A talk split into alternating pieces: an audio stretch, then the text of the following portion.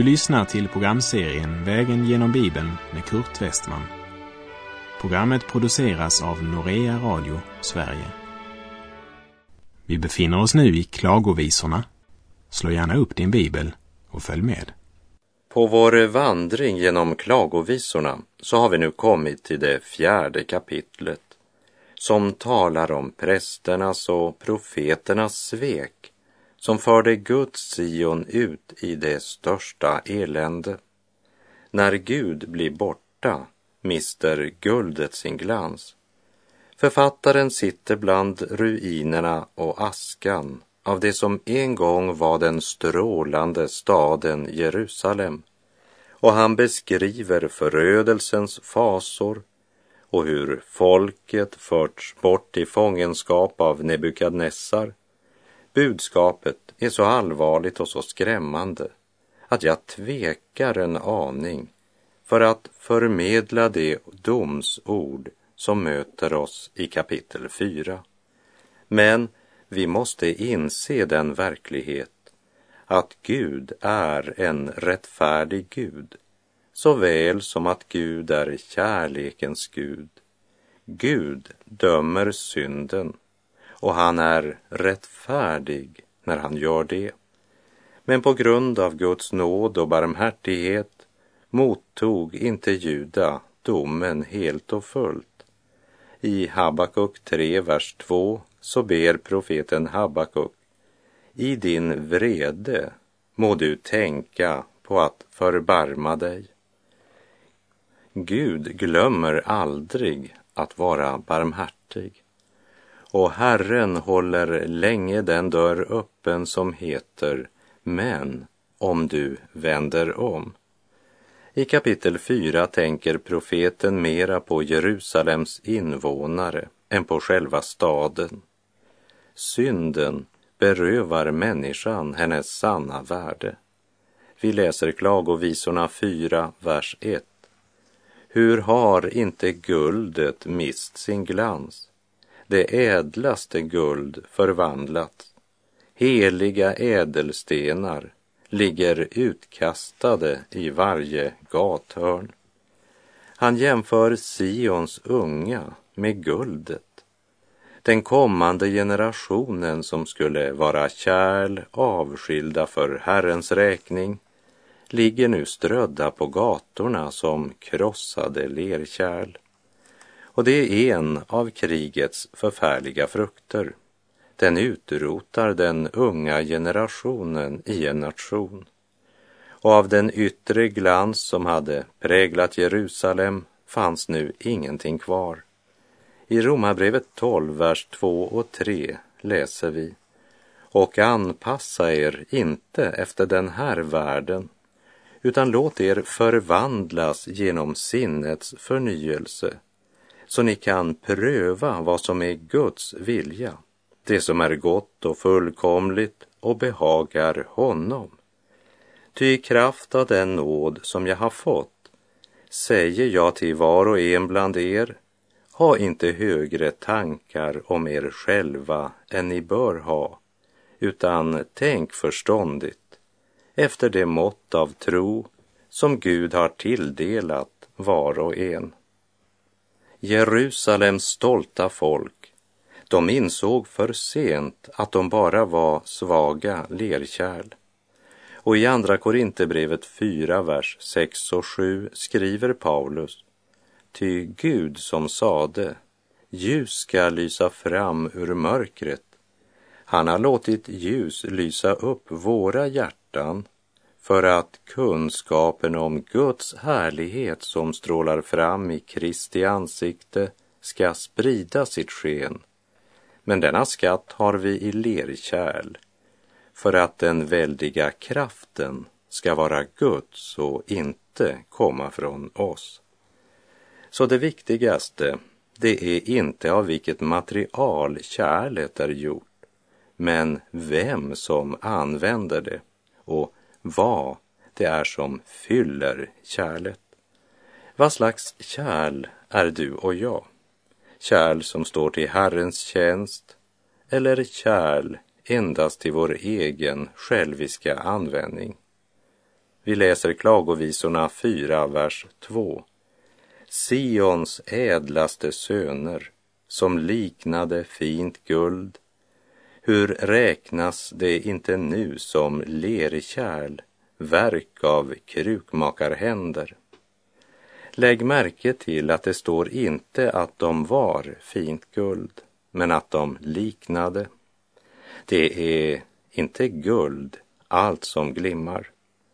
Dessa ädla söner hade växt upp i lyx, överflöd, tidsfördriv, njutningar och kunnat skaffa allt vad de önskat sig. Men nu ligger allt det de byggde sitt liv på i ruiner. Guds dom lägger världens glans i ruiner på ett ögonblick. Och här går mina tankar till Jesu liknelse om Lazarus och den rike mannen i Lukas 16 från vers 19 och följande verser. Med några få ord beskriver Jesus den fruktansvärda nöd som Lazarus levde under och den rikedom och härlighet som präglade den rike mannens liv. Det kan inte vara större skillnad på två män än det var på dessa två. Och så säger Jesus i Lukas 16.22 så dog tiggaren och fördes bort av änglarna till platsen vid Abrahams sida. Den rike dog också han och begravdes. Livet på jorden är kort och levs bara en gång och vi måste alla en gång dö. Därför bör varje människa betänka sin egen förestående död. Och döden betyder inte att allt nu är slut. Graven är inte det sista. Allt är inte förbi i och med vår död. Ty allt är slut med döden stämmer endast i den betydelse att i och med dödsstunden så är alla möjligheter till omvändelse och frälsning förbi. Alla tillfällen att tjäna Gud förspillda. Det har satts punkt för vårt liv. Ingenting kan gottgöras längre. Och i döden så upphör alla yttre olikheter. Den rike får inte med sig något av sitt gods och guld eftersom döden betyder att man har kommit till den verklighetens port där allt genomgår en total omvärdering. Sanningen uppenbaras vid dödens port. Efter att Guds dom drabbat Jerusalem och Juda säger profeten Sions ädlaste söner som liknade fint guld. Hur räknas det inte nu som lerkärl, verk av krukmakarhänder? Kära vän, har du någon gång stannat upp för ett ögonblick och tänkt på vad som kan ske med den plats där du bor?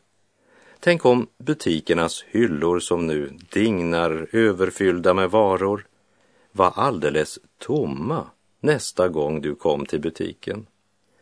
Tänk dig att du trycker på strömbrytaren men det kommer inget ljus, ingen värme i elementen, ingen bensin till bilen, inga sjukhus som längre är i funktion. Och ännu ett steg. Tänk dig att du står vid dödens port och det ska avslöjas vad det du byggde på är värt efter den nu gällande kursen.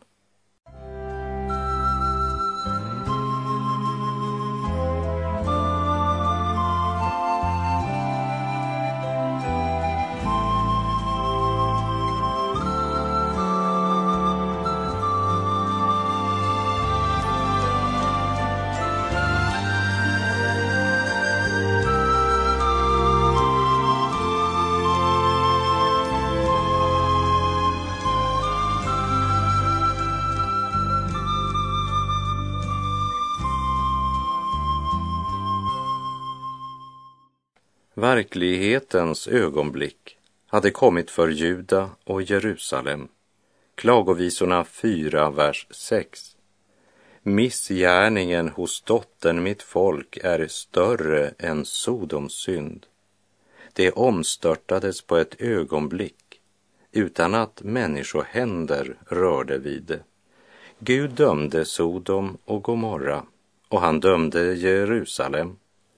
Gud säger att Jerusalems synd var större än Sodoms synd.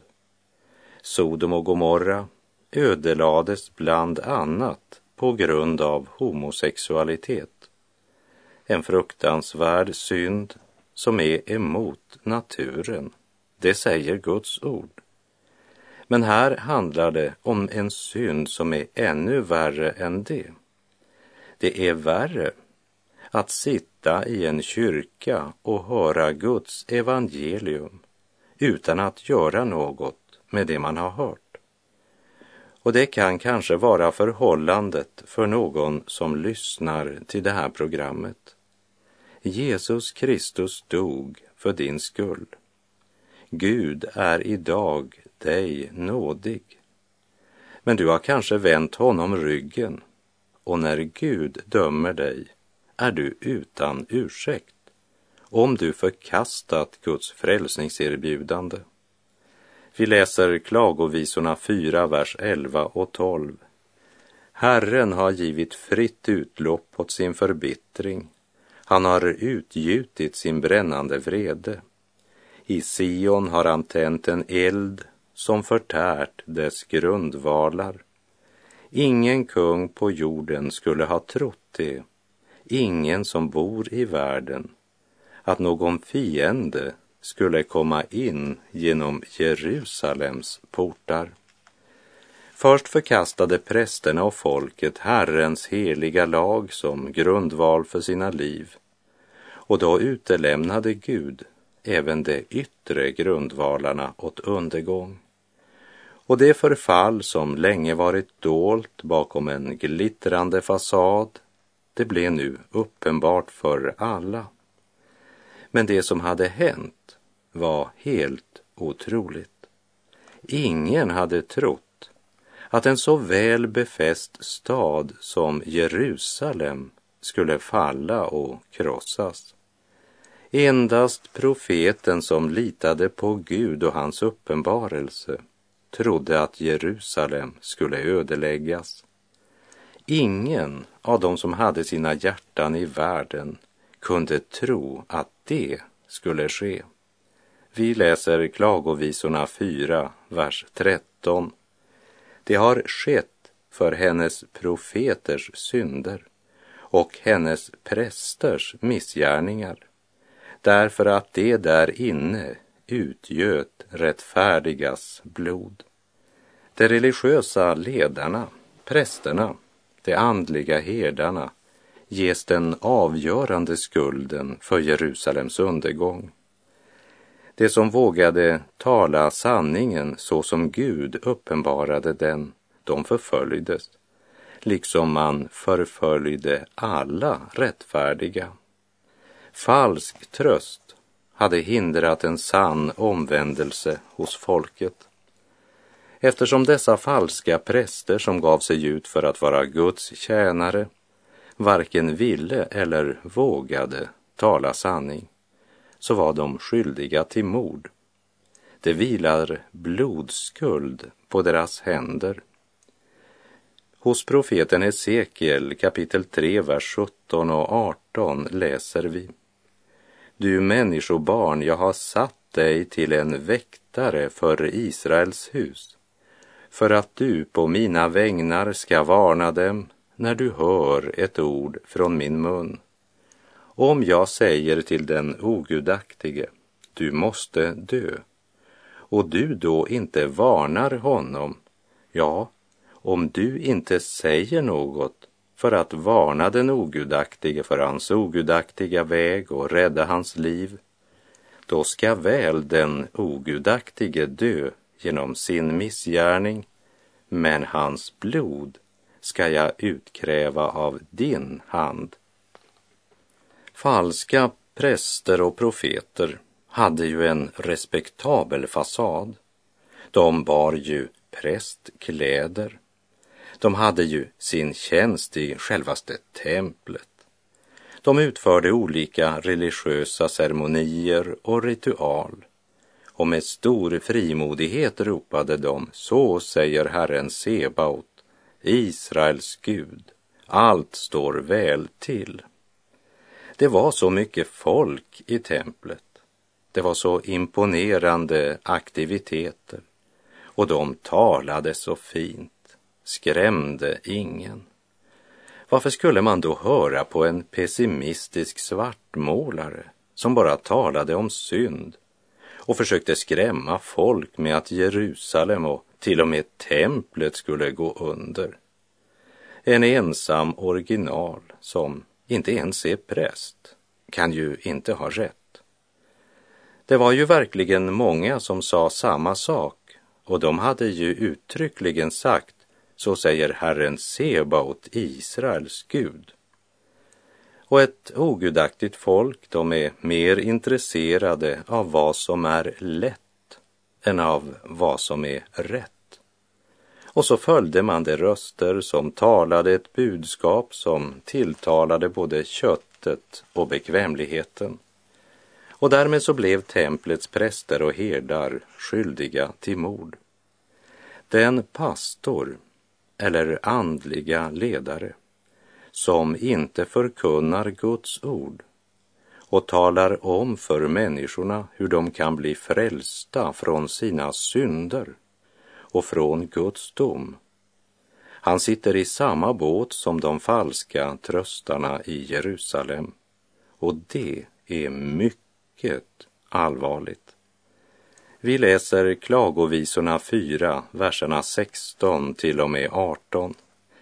Herren själv har skingrat dem. Han vill inte mer ta sig an dem. Mot prästerna visas ingen aktning. Mot de äldre inget förbarmande.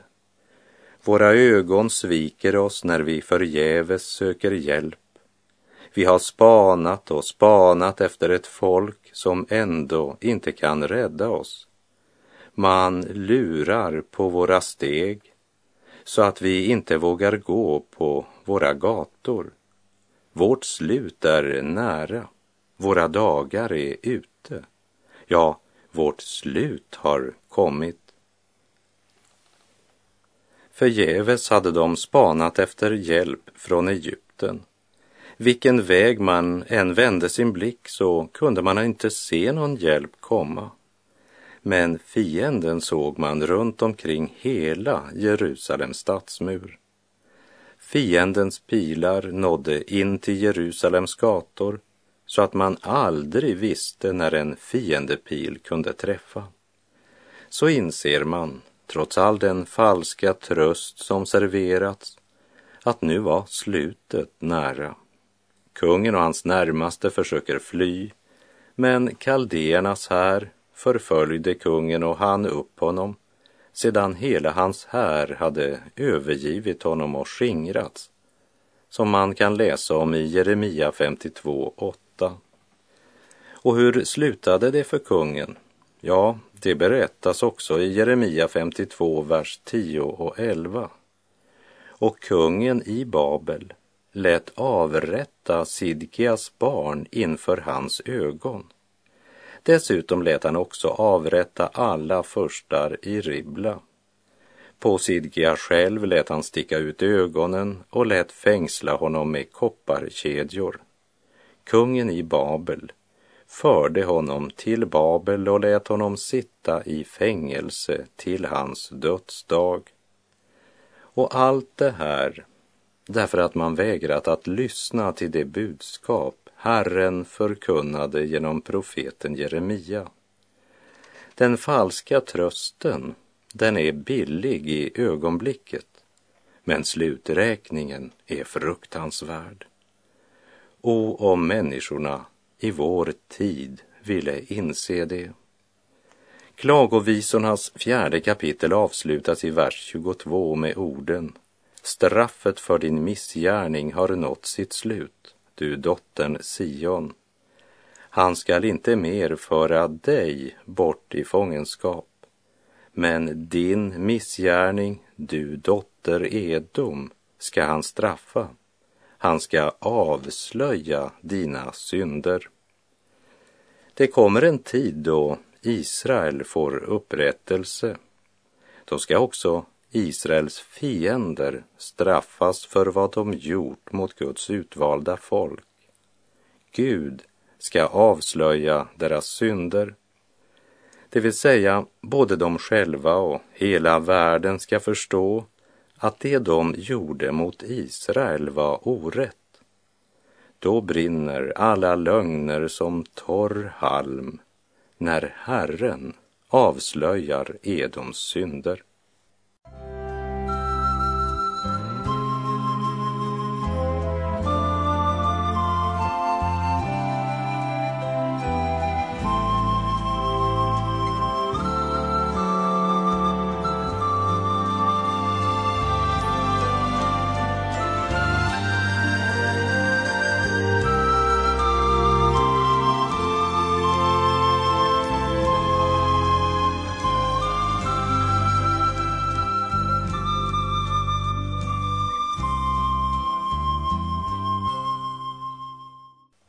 I Klagovisornas femte kapitel så möter vi profetens bekännelse och bön för sitt förnedrade folk.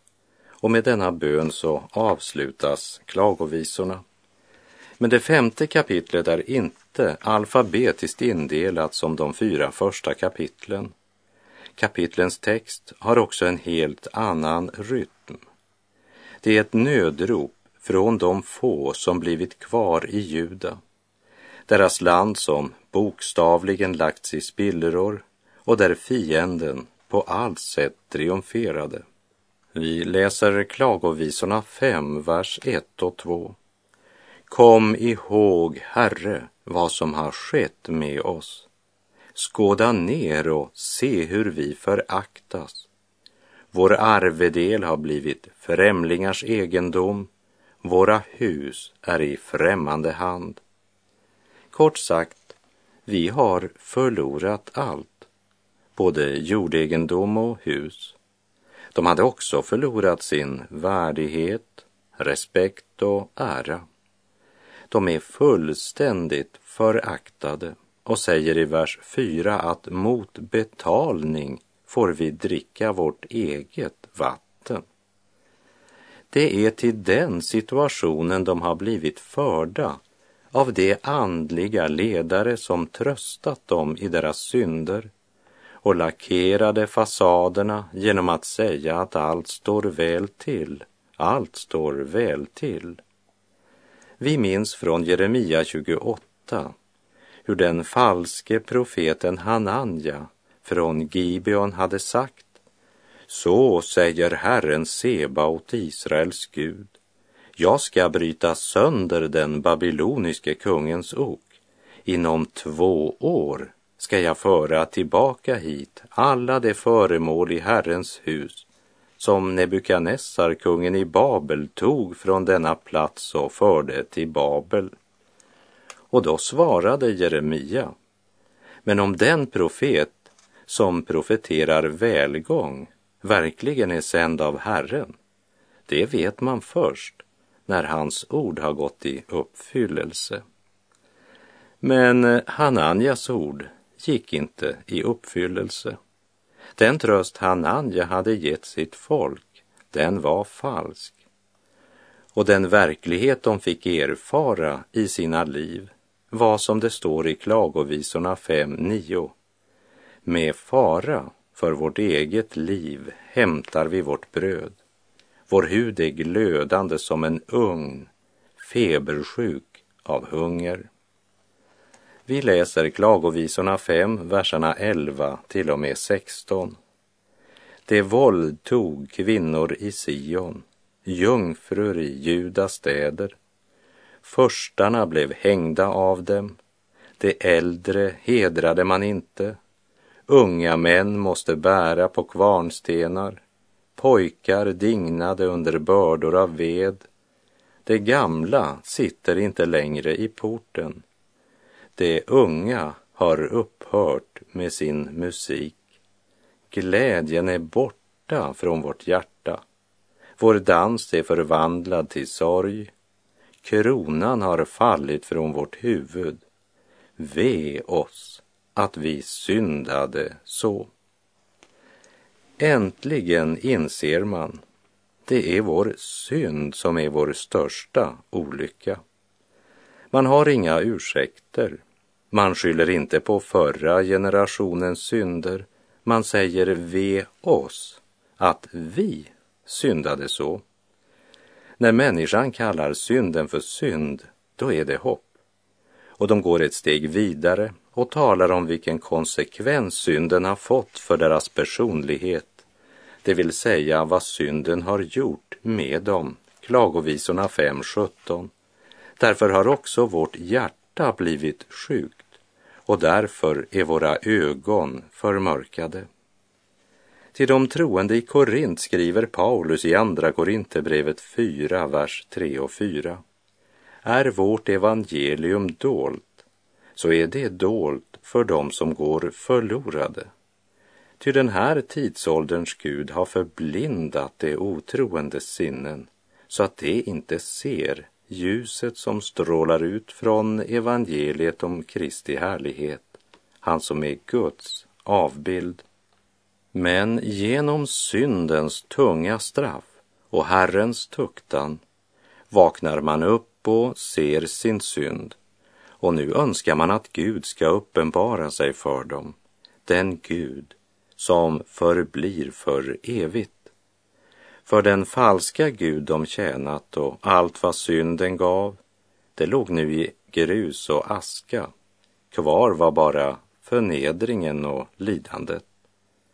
Klagovisorna 5, vers 19 till 22.